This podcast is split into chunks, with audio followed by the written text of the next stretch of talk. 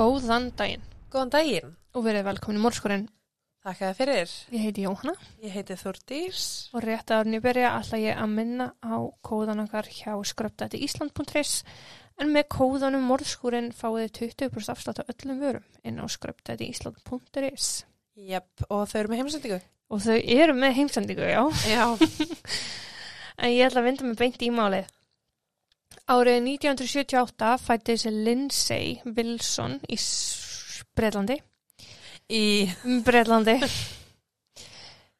Uh, ég veit lítið fram að 17 ára aldursára Lindsay en það sem ég veit er það að hún var elskuð af öllu sinu fólki en það um að sérstaklega ljúfa unga konu sem verðist hafa verið hrókaralsfagnar, svo litil skellubjalla, yfirleitt mikið fyrir kringum hana. Hún elskaði að mála sig, dansa, hlusta tónlist og, djammið var að sjálfsögðu ofalega á lista en það um að ræða unga konu, já, hvers unga, hvað er hún? 17. Ok. Mm En þarna árið 1995 þá er hún 17 ára og hún kemst að því að hún ætti vonu sínu fyrsta barni. Já. Og það fara tvær sögur af því hvernig samband Lindsay var við basföðu sinn. Annars vegar er það þannig að þau hafi verið sjúklega til í eignast þetta barn og hafi trúlast og hlakka til að vera fjölskylda. En að Lindsay hafi bakkað eftir einhvern tíma og kosið að slíta sambandinu. Og svo hins vegar það að sambandi hafi verið stormasamt alla tíð og að hún hafi slitið sambandinu í upphafi. En yngaði síður hvort sem var, Lindsay var að horfa fram á framtíð sem einstæða móðir. Ok. Það er svo sannlega engin heimsendir en það getur verið áfall þess þó heldur þegar maður er þetta ungur. Já. Fjölskyldi hennar hafði brugðið svolítið við þessa fréttir að hún ætti vona badni en ekki hikaði í eina sekundu við að sína henni og sanna fyrir henni að þau kemur öll til með að vera við hlýðinar allt hennar ferli.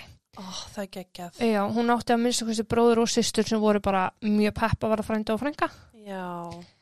En þetta var Lindsay að sjálfsögðu mikill léttir en hún gata ekki annað en upplifaði sér samt svo litið eina á móti heiminum. Já. Þegar leið á meðgönguna þá voru merki um kvíða farin að, lát, farin að láta á sig bera.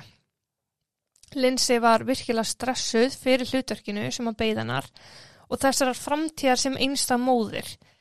Þú, það var farað svona veki upp henni ymsu spurningar og ein af þeim, eðlilega, kem ég til með að vera eina eilifu. Já. Hún velti fyrir sér hvernig hún ætti að eigna smaka nú þegar hún er þeim með lítið badn á hendinni. Æ, En hún var auðvitað viss um það að engin myndi svo mikið sem líta við henni úr því að hún ætti brálega þetta badn og engan föðurinn í myndinni. Nei, ska minn, það er sko ansi margir menn sem eru til í einstað maður á núti. ó, já. Ég þekki nokkru sem bara kjósaða fram mér. Allt annað, sko, já. En það er oft þannig að þegar maður hugsar að einhvað sé algjörlega ógerlegt, þá gerist það. Og þegar Lindsay er gengin rúma fimm mánuð á leið, þá gerist nákvæmlega það. Inn í líf hennar gengur maður að nafni Mitchell Kai. Lindsay leist mjög vel á hann mann sem virtist toppgur.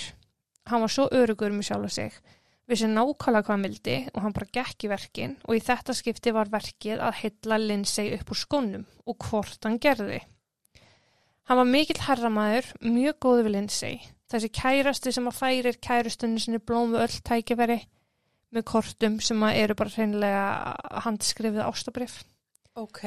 og hann var miklu meira en tilbúin til að ganga í hlutverkföðurs og, og vera partur af fjölskyldu, skýt sama um hvort að barnið var hans eða ekki. Já. Á nokkrum vikum voru þau flytt inn saman og byrjuði að plana brúðköp sitt. En þau sko kynnast í júli og 1. ágúst átti brúðköpið að vera. Ok, er það ekki svolítið red flag? Jú, pínu red flag. Þegar fólk vil, já. Uh, Gif mér svona okkar mánuði, ég veit alveg um samband sem að hefur verið, þú veist, snögg Já, þú og hafa svínverkað. Já, En- já, en, en svo eru líka önnur sambönd sem að uh, tengjast líftryggingu. Uh, já, Þannig að- og þú þekkir ekki makaðinn. Þú, nei, ymmit, þetta er svona, já, Ég er búin að vera með mínu maka í meir og minna, þú veist, 100 ár, takk fyrir pent. mjög lengi, sem ég var 15 ára og ég er Já. ennþá daginn dag að kynast honum, Akkurat. þú veist. Ég, þú veist, þetta er bara, ég menna eins og í Björbrug. Já, Þú veist, gæði maður gett til í barnignir og eitthvað, svo giftast þau og hvað var um það? nákvæmlega, ekki neitt. Þú veist, þetta er bara, Bara ekki til lengur. nei, En fjölskyldalinn segi tók þessu öllu saman með mjög miklu fyrirvara en þeirra upplifun var svo að Mitchell var furðulega góðugur. Ok. Þetta í dag mynduðu kalla lovebombing. Já. Þeim fannst þeirra samband vera þróast allt og hratt en á sama tíma gáttu þau ekki sagt Lindsay uh, þar sem þau voru hugsa þar sem að hún hafði ekki verið eins hafmyggisum alla meðgönguna eins og hún var nákvæmlega núna. Æ. En fjölskyldan sá einhvað en þau gátt ekki alveg sagt hvað nákvæmlega einhvað sem þau fengu bara slæma tilfinningu fyrir. Já. Það sem þau voru upplega var alls ekki ránt en þau urðu líka að sína stuðning og gefa þessum manni færi á að sanna sig en það átti eftir að reynast þeim erfitt sérstaklega þegar kom að brúðkaupsteginu með þeirra. En á brúðkaupstegin voru Lindsay og Mitchell að nakk rífast. Hvort maður með skrifa á spennu, veit ekki. En Mitchell tekur einhvað brjálaðiskast þar sem hann lætur öllum íllum látum og hann gjör svolítið rústa degi þegar að tveggja fyrir framann brúðkaupskisti. Oh. Uh, Lindsay sérstaklega til mikils ama því hún hafði jú hlakka til að eiga þennan dag Uh með tilvonandi eigimann sínum og fjölskyldum þeirra. Þetta er dagur sem hún gerir ráð fyrir að þú fáir einu sinni og upplifir einu sinni. Hann á að vera fullkomin. Algjörlega. En á einhverju tímapunkti átti ástandi eftir að róast og Mitchell byður baðst afsökunar á hefðunsinni. Hann bað bæði Lindsay og aðra fjölskyldumæðli með afsökunar og veistluhöldin heldu áfram trúlega sem frekar óþægilega móral. Já. Og Lindsay hafði bara tekið sér afsökunarbeðni en það vildi hún bara trúa því besta um mannin sinn og virkilega trúði því að þetta hafi bara verið eitt skiptið sem hann gekk svona óbúslega fram að öllum. Hún hafði því bara ákveð að njóta dagsins og allra þeirra daga sem þau áttu eftir saman. Sem voru hvað þrýr eða eitthvað. Sex vikum eftir brúðkaupið fættist þeim lítil dóttir sem að fekk nafnið Robin. Lindsay var ástfanginu fyrir haus að litlu dóttisni en fekk engan veginn að njóta þess nýja lífs eins og hún hafði vonast eftir því hægðunin sem að Mitchell hafði sínt af sér á brúðkaupstægin var auðvitað ekki one time thing. Oh. Þetta var hægðun sem að Mitchell átti eftir að sína af sér bara frekar reglulega. Hann var algjör skaphundur og jafn snöggur upp og hann var niður. Áður en Lindsay vissi af bjóð hún við mikið heimilsofbildi og mikið andlitofbildi og hún ákveður að segja sýstu sinni frá þessu. Trist henni fyrir þessum upplýsingum og hún auðvitað hvetur hana til að koma sér út úr þessum aðstæðum en Lindsay kaus að sjá það góða. En það var ástandið þannig að Mitchell öskraði hana, niðurlaði hana og lagði hana hendur, stjórnaði því hvað hún gerði og með hverjum hún var og svo innan skams var hann skriðin í fangið var hann skriðin í fangið á henn aftur að grátbyða um fyrirgefningu og alltaf fyrirgaf Lindsay á honum. Af því að betur útgáðan af Mitchell var mjög góð. Já. Það er líka bara rosalega erfitt að koma sér út úr. Það er bara, eins og höfum rætt núna síðust þætti, það getur bara verið hættulegt. Það getur verið hættulegt og líka bara, þú veist, stundum, skilur við, kannski átt hún erfitt með bara fjárhag, varandi barnið Mhm. sitt og var kannski betra að hafa Mitchell upp á sérst, lífbassins og eitthvað, það getur verið svo ótrúlega margar ástæðar annað en bara, okkur fórun ekki bara. Nákvæmlega. En ástandið batnaði ekki þegar Mitchell var farin að ásaka Lindsay um að halda fram hjá sér sem gata ekki verið fjari raunveruleikanum en það var hann sjálfur sem var ansið duglegur að sofa í þessum konum Litli narsistin. mm með þessa gullfallu eiginkonu heima og unga dóttur en hann kaus samt að eigða meir hluta síns tíma inn í öðrum konum. Já, kannski dattan bara, Bara, úff. fyrir slistni. Datt. Já. En Mitchell var mjög góðu faðir. Hann syndi Robin að mikill alúð og var sjúkur í þessa litlu stelpu sem hann taldi sig eiga með húð og hári þrátt fyrir það sem er erfiðar efnið sæði til um. En Lindsay fannst ekki mjög auðvelt að viðkynna það hlutverk þegar hann var svona hrikalega vondur eiginmaður. Auðvitað, ef þú ert vondur eiginmaður þá ertu átamandi svona vondur pappi Uh -huh. Og öfugt mamma. Þú veist, ef þú ert eiginkona, eða skilju. Já, Ef það er ofbyldan heimilinu, þá ertu bara Vond, vond. vondur, vondur, vondur. Það var henni því mikið áfall þegar hún fór að finna fyrir mikill ógliði á daginn og áttaði sig á því að hún væri trúlegast ófriski annað sinn. Æ, Henni fannst hún bara vera á milli steins og sleggju. Eiginmaðurinn hennar var vondur en fadir dótturinnar var góður. En hún ákvör hana yngu að síður að fara í fóstræðingu. Ok. Hvenar og hvernig nákvæmlega Mitchell kemst að þessari fóstræðingu er ekki alveg vitað. Ok, hann sem sagt kemst bara fóstæringunni ekki þá hún var ólétt. Nei. Ok. En þegar hann kemst að henni þá ræðist hann á Lindsay, lemur hana og svoleiðis hellir sig yfir hana og hún hafi sko myrt badnið þeirra. Jésús. Og hann tekur saman drasli sitt og hann gengur út á heimilinu og Já. hann lætur ekki sjá sig í nokkra mánuði. Frábært, verður Mm. blessaður, ekki koma aftur. Algjörlega. Og þetta hafði hann gert. Hann hafði gengið út og ekki látið sjá sig svo dögum skipti og stundum svo vikum skipti. Ok. En í þetta skipti var Lindsay bara fegin. Hún var fegin því að losna við hana mann úr sínu lífi og hún hlakkaði til að geta loksins notið móðurhlutverksins en það elskaði hún að vera mamma Robin. Já. En að fimm mánuðum liðnum var Mitchell búinn að koma sér aftur inn til Lindsay. Uh, Hvernig hef ég ekki hugmyndum en sagan segir að Lindsay sjálf hafi verið farin að sakna hans og jafnvel haft samband við hana fyrrabræði það má vel vera. og má teljast eðlilegt. Já. Þó að ekkert við ástandi sem hún bjóði hafi verið eðlilegt en hún saknaði auðvitað góða Mitchell Akkurat, og þú ert svolítið að sirkja hans í farin. mm og það sem hefði mögulega geta orðið. Já.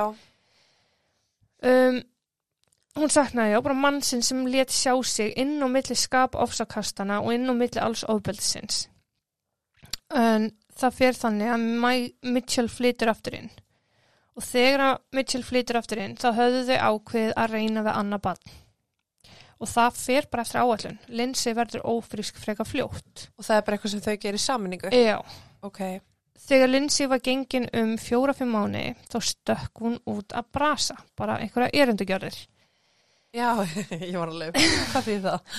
Já. Þegar hún kom heim þá fekk hún algjört áfall. En Mitchell hefði bókstala gengið berseksgang um heimleðra og gjörsamlega snúið heimilun á kolf.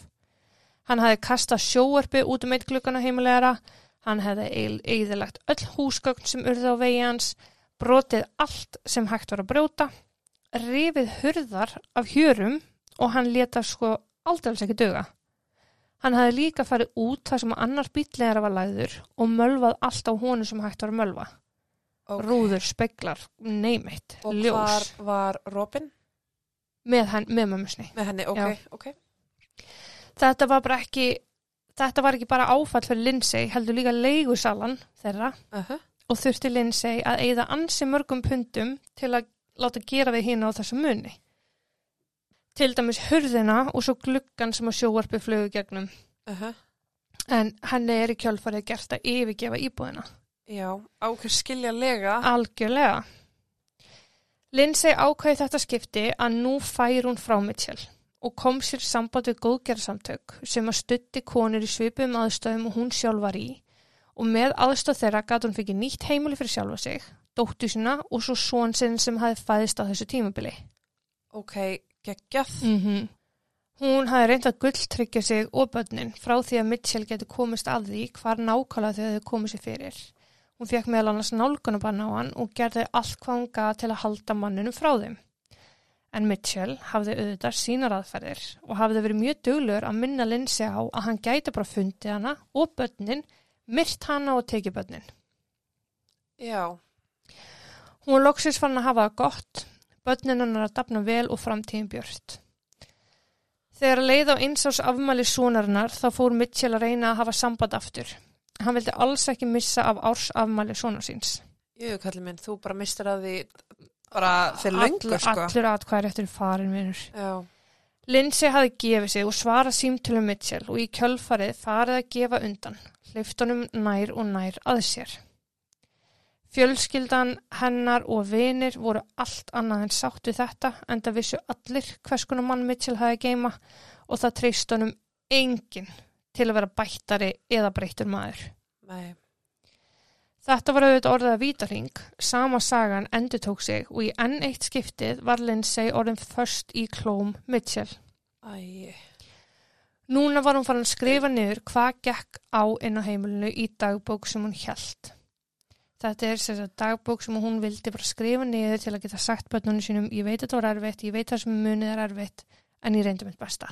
ó, það er samt svo hættulegt að hafa svona heimilin ef hann er þar. Já, en dagbókin sem hún hafði auðvitað falið frá Mitchell sem hefði sjálfsagt tekið einmitt einn- enn eitt trillingin hefði hann komist að því að hún hjælt utan um öll atvikin oh. veist, ef það kæmust upp um hvers konar mann hann hafði að geima. uh -huh. En Lindsay var fyrir að líða eins og fanga inn á sínu eigin heimili. Hún var í aðstöðu sem er náttúrulega bara ótrúlega vond. Fjölskyldan hennar var ósátt við það að hún hafi tekið aftur saman við Mitchell. Þau vildi svona vera til staða fyrir hana en kærðu sig ekki um að koma í heimsókn inn á heimilið. Nei, Og þó þau hafi vissulega reynt þá gerði Mitchell allt sem hann gaf til að halda þeim frá heimilega hvort þið er. ég meina þau eru væntalega líka bara kannski hrætt við hann. Já, að hluta til líka sko. Já.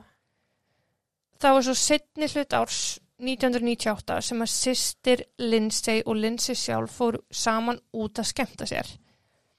Þegar kvöldunum var lokið þá býður Lindsay sýstur sinni inn heima hjá sér sem þar báðar vissu að yrði í óþökk Mitchell. En sýstur Lindsay var skýt sama.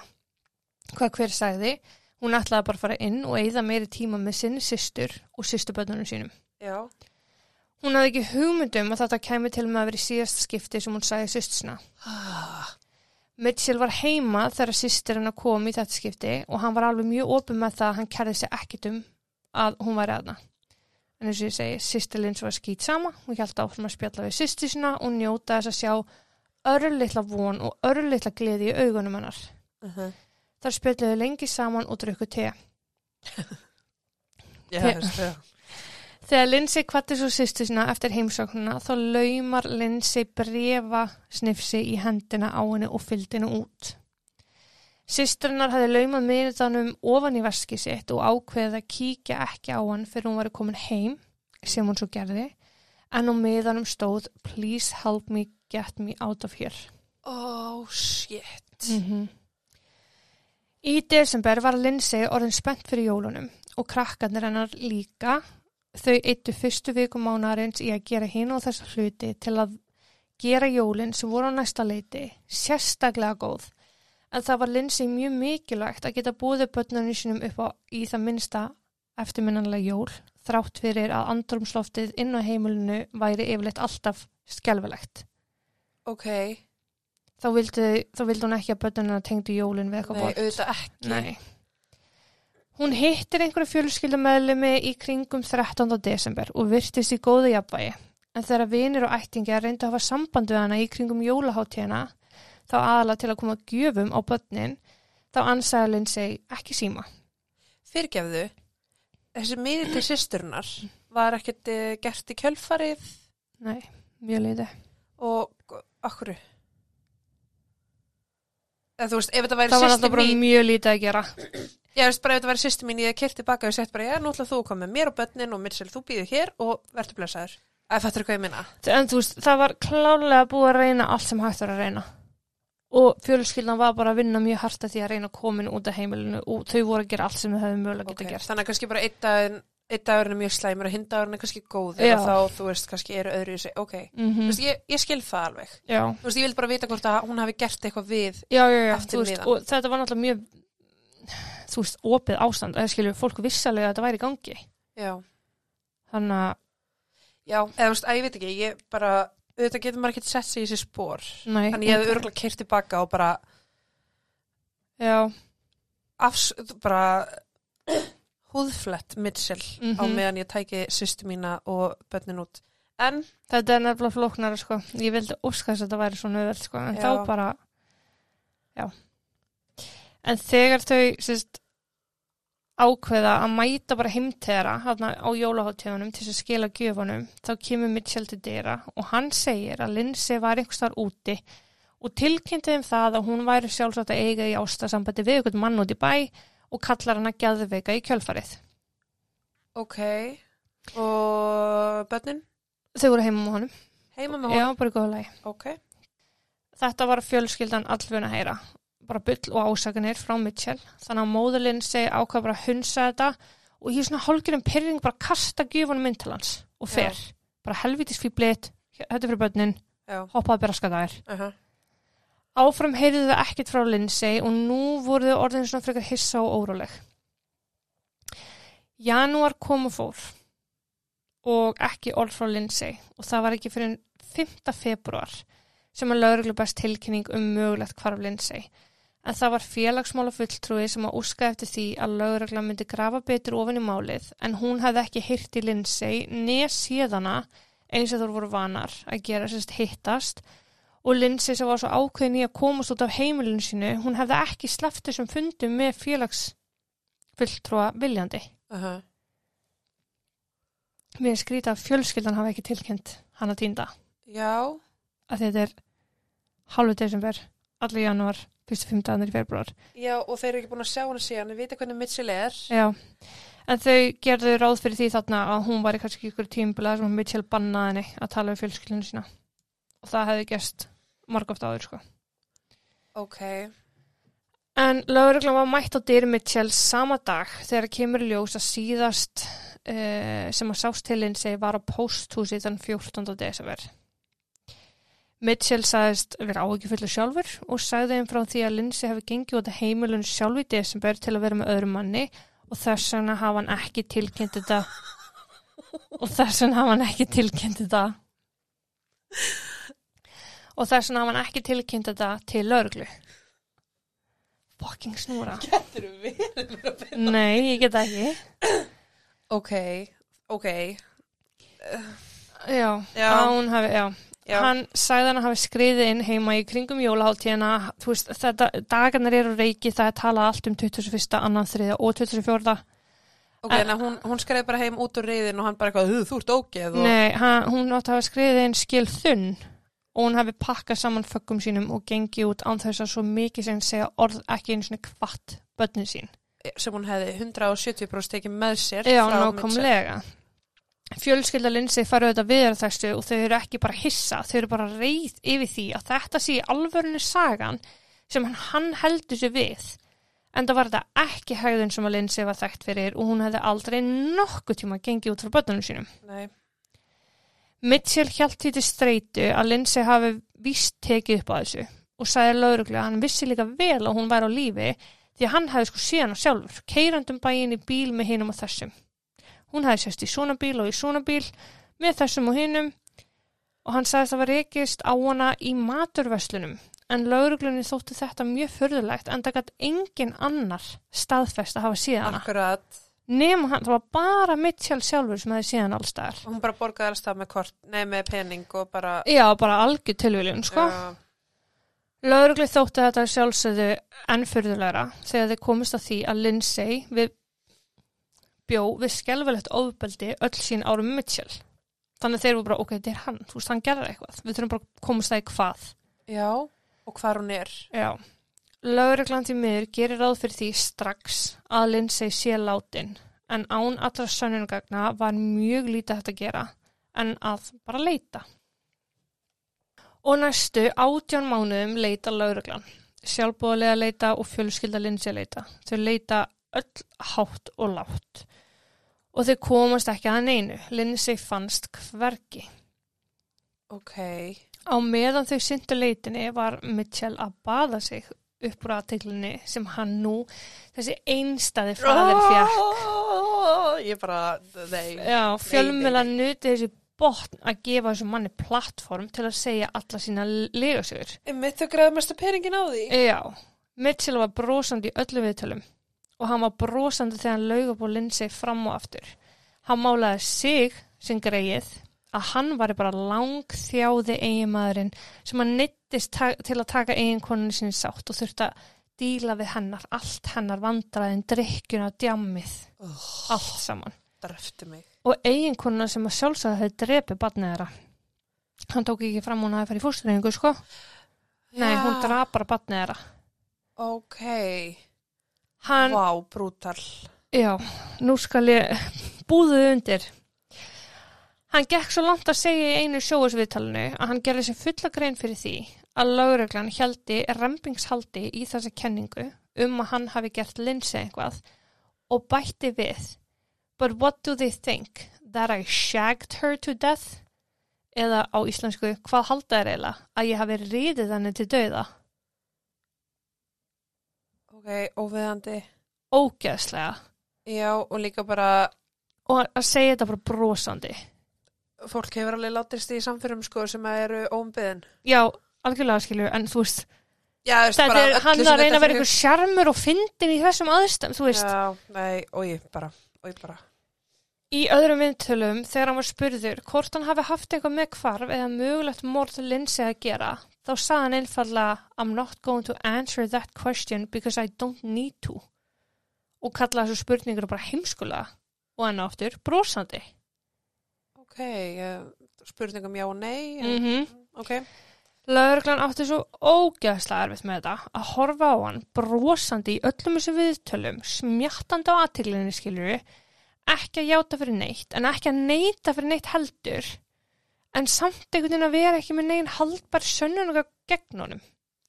Annað en bara raukstöldan grun, en það var ekki nóg. ok, Þeir vissu alveg að hann hafi haft einhver með þetta að gera, en þeir gátu ekki sanna það.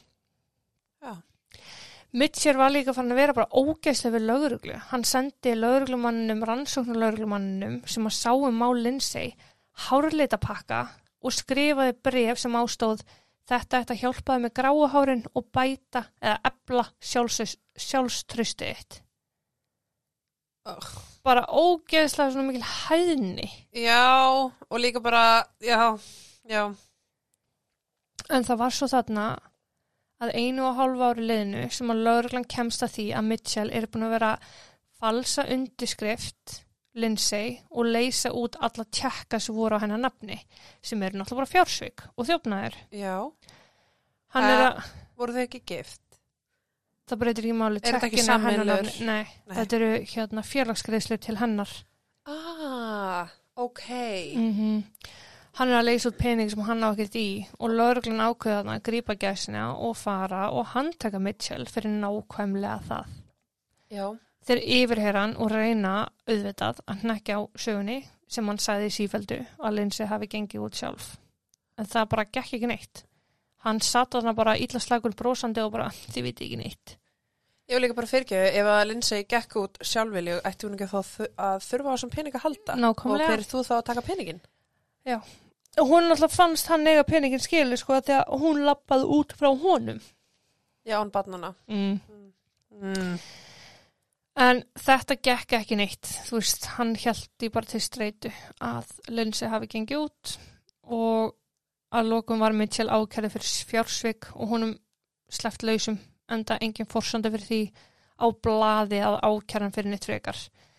En hann hlaut refsingu og refsingin sem hann hlýtur uh, er samfélagsþjónusta en hann þurfti að starfa í góðgerðarsamtökum í nokkur daga, bara kassastrákur. Já, Og að því hann þurfti þess þá auðvitað klíndi hann því á Lindsay og sagði þetta var allt henni að kenna. Og sagði, me having to do this and leaving me with the kids, I wouldn't piss on her if she was on fire. Mm Það sem ég meinti með því var bara að Lindsay labba út, hann var tilneittur til þess að leysa út tjekkana ólöglega af því að hún skildi hann eftir með börnin já. og út af þeirri stöðu sem hann segir hana hafa skilis eftir í, þá myndi hann ekki míga á hana þó hún staði í ljósum logum. Já, sem er bara merkjum að hann myndi ekki bjarginni ef hún væri að deyja. Já, en líka bara, þetta er svona, þú veist, fólk notar þetta, þú veist, orðatildæki um, bæði í bandaríkjunum og í Bretlandi, en þetta er, þetta er svo fjarrir raunveruleikanum, þú veist, Já, en þetta er bara svona mannorðsmorð, tilraun til mannorðsmorð, já, veist- mann og smorð. mannorðs, þú veist, að bara draga mannorðaðinar Já, upp úr já, já. Já, já, já, Lögreglan var bara enn ákveðnari í að komast að því hvað hefði gerst, sérstaklega að því að Mitchell var að halda áfram þessu anskota spulli að draga mannurlinn sig upp úr skýtnum. Þeir fara því að grafa í hvað Lindsay hafi verið að gera dagana áður en hún mögulega hvarf. Bara að rekja, allt segði gott að rekið en eina ferðina. Sjá bara hvort þau hefur mist af einhverju í all hinskiptin. Uh -huh. Ef þú meina hvað árið þetta að gerast? 98. Ok, þannig að það er ekkert eitthvað, uh, farsímar, þú veist, er þetta reykja ferðir hans GPS? Nei, það er mjög flókið. Þú veist, það er ekki allir sem eiga farsíma á þessum tíma. sko. Lúminól? Skoða heimilið. Já, það var ekki, það var ekki raukstötu grunur um að hún hefði gert neitt. Hann, Nei, hann hefði gert neitt, hann var ekki komið raukstötu grunur til að fá leitarheimildin á heimilin hans. já, Þeir komast að því að daginn eftir að Lindsay sést síðast, þá ætla hann að hitta skilnaðalagfræðing. En hún mætti aldrei þangað eða þann 15. desember. Hún sést á pósthúsinu 14. des, 15. mætur hún ekki til lögfrængsins. Og það kalt hannislega við þetta er að hún mætir á pósthúsi 14. desember að því að tjekkin hennar hafði ekki skilað sér til hennar. Peningatjekkin, Uh, ávísunin. Að því að jú, dásamlega einmaðurinn hennar hafði stólið þeim pening. En 15. mætur hún ekki til lögfrængsins. líka bara ef hún fór 14. og ætlaði raun að fara að fá tjekkin sinn, þá myndi hún taka hvern einasta tjekka eftir hún yfirgá Mitchell, sko. Já, nákvæmlega.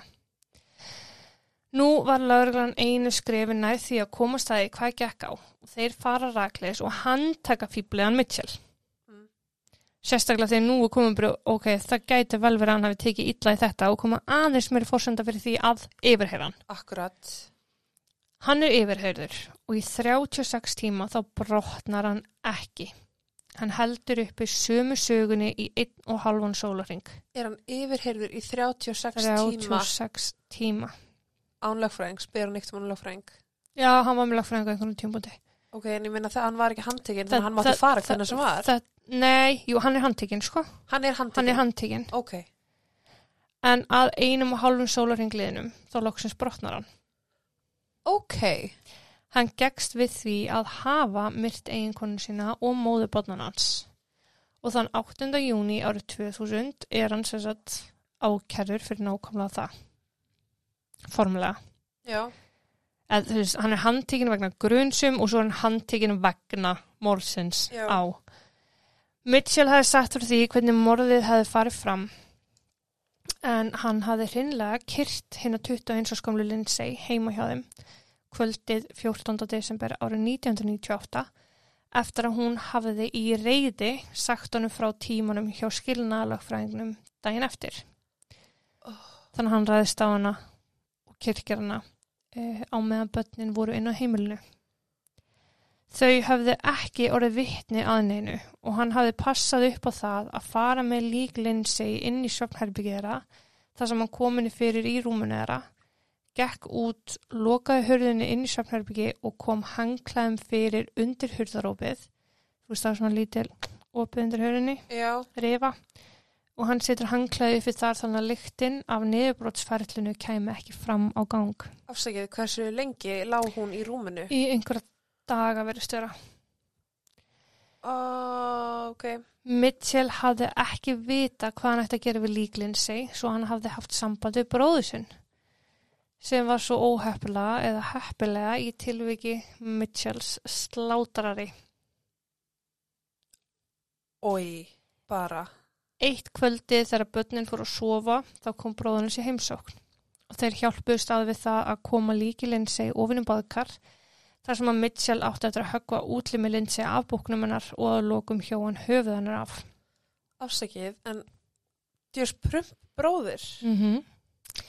Bróður hans hjælt svörtum ruslapúkum hjælt svörtum ruslapúkum opnum fyrir bróður sinn svo hann geti komið útlimunum fyrir þar. Þannig að hann í rauninni að þar sem aðildin hans er svo að hann var þarna. Já, Þeir fóru svo og dreifðu líkamspörtum Lindsay hér og þar um bæin og nú var komið að því að Mitchell síndi lögreglug nákvæmlega hvar.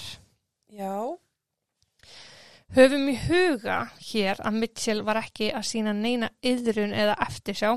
uh Hann var bara að segja frá gangi mála að því hann neytist til þess. já, Þetta gerðist og svona gerðist það og hann var að segja frá því eins og hann hafði aldrei gert neitt annað. Engin tár. Bara brós og eins og hann nýtti þess að segja frá því hvað hann hafði gert. já, líka kall minn, þú hafðir sko ansi marga daga til þess að koma fram Já. ef þú ætlaðir að fá einhverja málspætur. Nákvæmlega. Lauruglan fann búk Lindsay við hálgjert tífóli á svæðinu og hvernig búkurinn hafði ekki fundist allan hana tíma er mér óskiljanlegt sko. Uh Svartur ruslapúki sem bara hlýtur að hafa verið farin að lykta Já, og þannig séð á frekar fjölförnu svæði. En á meðan Mitchell fylgdi laurugla búknum þá talaði hann um hræið. nei. Við erum, sko, við erum alveg að vera komin að hræinu, hérna er hræið af konunni. Oh. sem að tala um dýrahræ Já, akkurat. algjör viðbjörn þessu gaur sko. Já, Daginn eftir fundust svo hluti eða hlutar af handlegjum Lindsay og svo fætur hennar í trjálendi við lestateina á svæðinu. En enn til dagsins í dag hefur enginn fundið hvorki höfulinsi eða restina af handleggjumennar. Ok.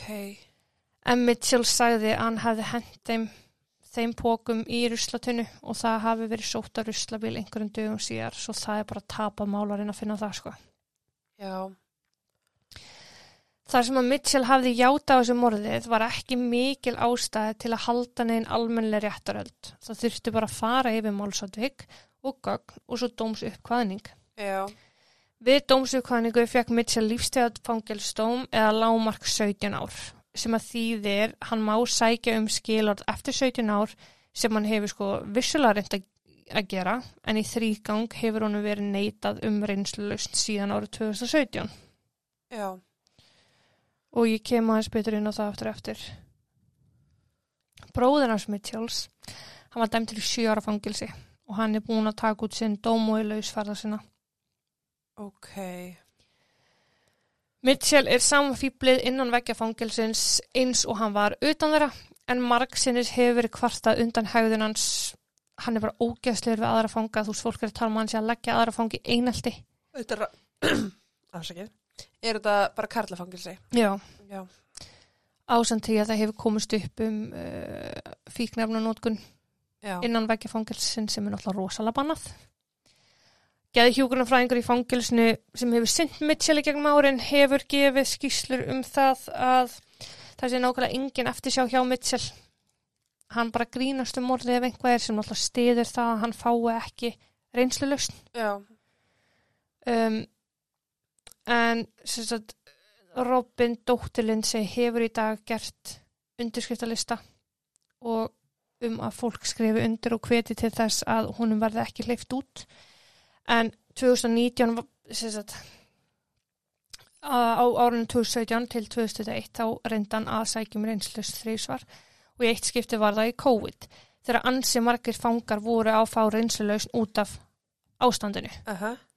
og Oh, ekki segja mér hans. nei, hann komst ekki Ok. sem betur fyrr og Robin gerði undirskriftalistan með vonum það að sína og sanna að hann á ekki skila að komast út. Aha. Fyrir að fyrsta, fólki líður ekki örugt með hann lausan.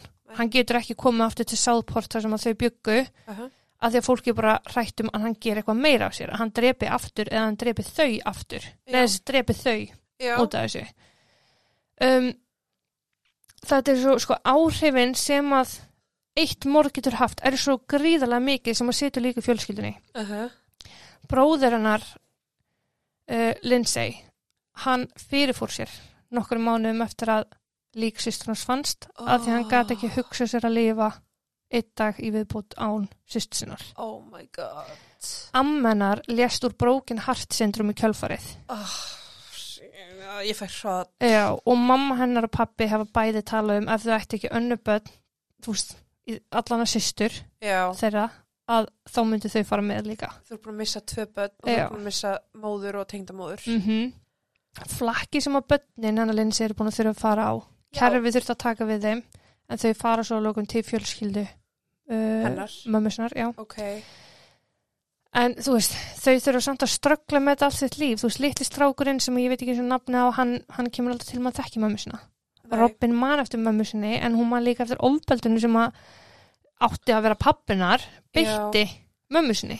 Já, líka bara, þú veist, eins og með þau, sérstaklega eins og kannski sonin, Já. er að hann áföður sem að er í fangelsi, Já. hann veit af hverju, Mm en honum langar kannski svolítið sjálfur að kynnast og bara koma staði hvernig maður þetta er, mm þess að stundum er erfitt þegar þú heyrir bara sögu frá öðru fólki -hmm. að mynda sér skoðun, mm þannig að, Mér skil samt að hann sé bara ekki með neina þorð til þess að kynast pappa sinu neitt sko. nei, ok, Um, en kerfið í Breitlandi það er ekki fullkomið og þeir horfa frekar í betrun heldur en refsivist. Og það kemur að þeim degi sem að Mitchell losnar. Og ég held miður að það komi að þeim degi fyrir heldur en setna gjörsamlega í óþökk, badna, linsei og fjölskyldanar mm en þannig er bara kerfið og þú veist hvort um maður vilja kalla það galla betrunarkerfi, ég veit ekki. En náttúrulega markmiðið er að hann síni betrun hann hefur ekki sínt fram á betrun hinga til. Já, en svo er bara tímaspursmál hversu lengi þú veist já, hversu margar neitana getur fengið, ég er svo sem ekki kynnt með það sko, hvort þetta neitan um 150 sem skilur já, jú, En- jú, neyta honum eins oft og þú vilt. Já, ég vona þá að það sé bara þannig. Ég held sé 18 til 24 mánuða fresti sem hann getur sótt um reynslust. Já, en svo stundum er það bara þannig að stundum þarf að gera pláss fyrir, Já, aðra fanga. getur ekki sett alla í lífstegafangilsi og aldrei losna pláss fyrir Ah, nýja, sko. Akkurat. En þú veist, 98, 24 ár, mér finnst það ekki nóg tími, sko. Nei, Mér finnst það nega inni að minnst að 24 ári viðbúta því að þessi djöfissi skrýpa leikur í kringum þetta allt saman. Hann er kallaður sko the smiling killer, að því hann er brosandi í öllum fokking viðtölum. Já, mér finnst bara líka hafa með börnin inn á heimilinu, æ, óh, mér finnst það, og liggja í rúminu, æ, ég veit ekki, Mhm. bara hilming frá degi eitt, sko. Nákvæmlega. Og líka bara ofbeldi sem er búið að eiga sér stað áður en að koma að þessu. Bara allt ofbeldi, sko. Já. En þú veist, Og ég, Þetta er ég sé glottið, mm ég sé glott. þetta er glottið sem hann var með. Sjálfsagt nýbúin að segja, hvað heldur ég með riðinni til döða? Mitt. Ógeðslegur. En hann á ekki skilið að komast út alveg strax, sko. Það er bara ekki séns. En þetta er málið í dag. Oh, Ég held að ég takk fyrir mig. takk. Já, Takk, það, takk. það var að segja takk fyrir að taka tvö mál með uh, það sem að tengjast á einhverjum hátt börnum eða fóstrum, skilur, það eru báður óldar. Ég Já, held fyrst þú var að fara að segja mér að hún hefði verið dreipin ólitt. nei, nei, ég nei, bara, hann var orðin alveg eins og hálsasæk þegar hann var, þegar það var. en já, en já, ég takk fyrir mig í dag og takk og bless. Takk og bless.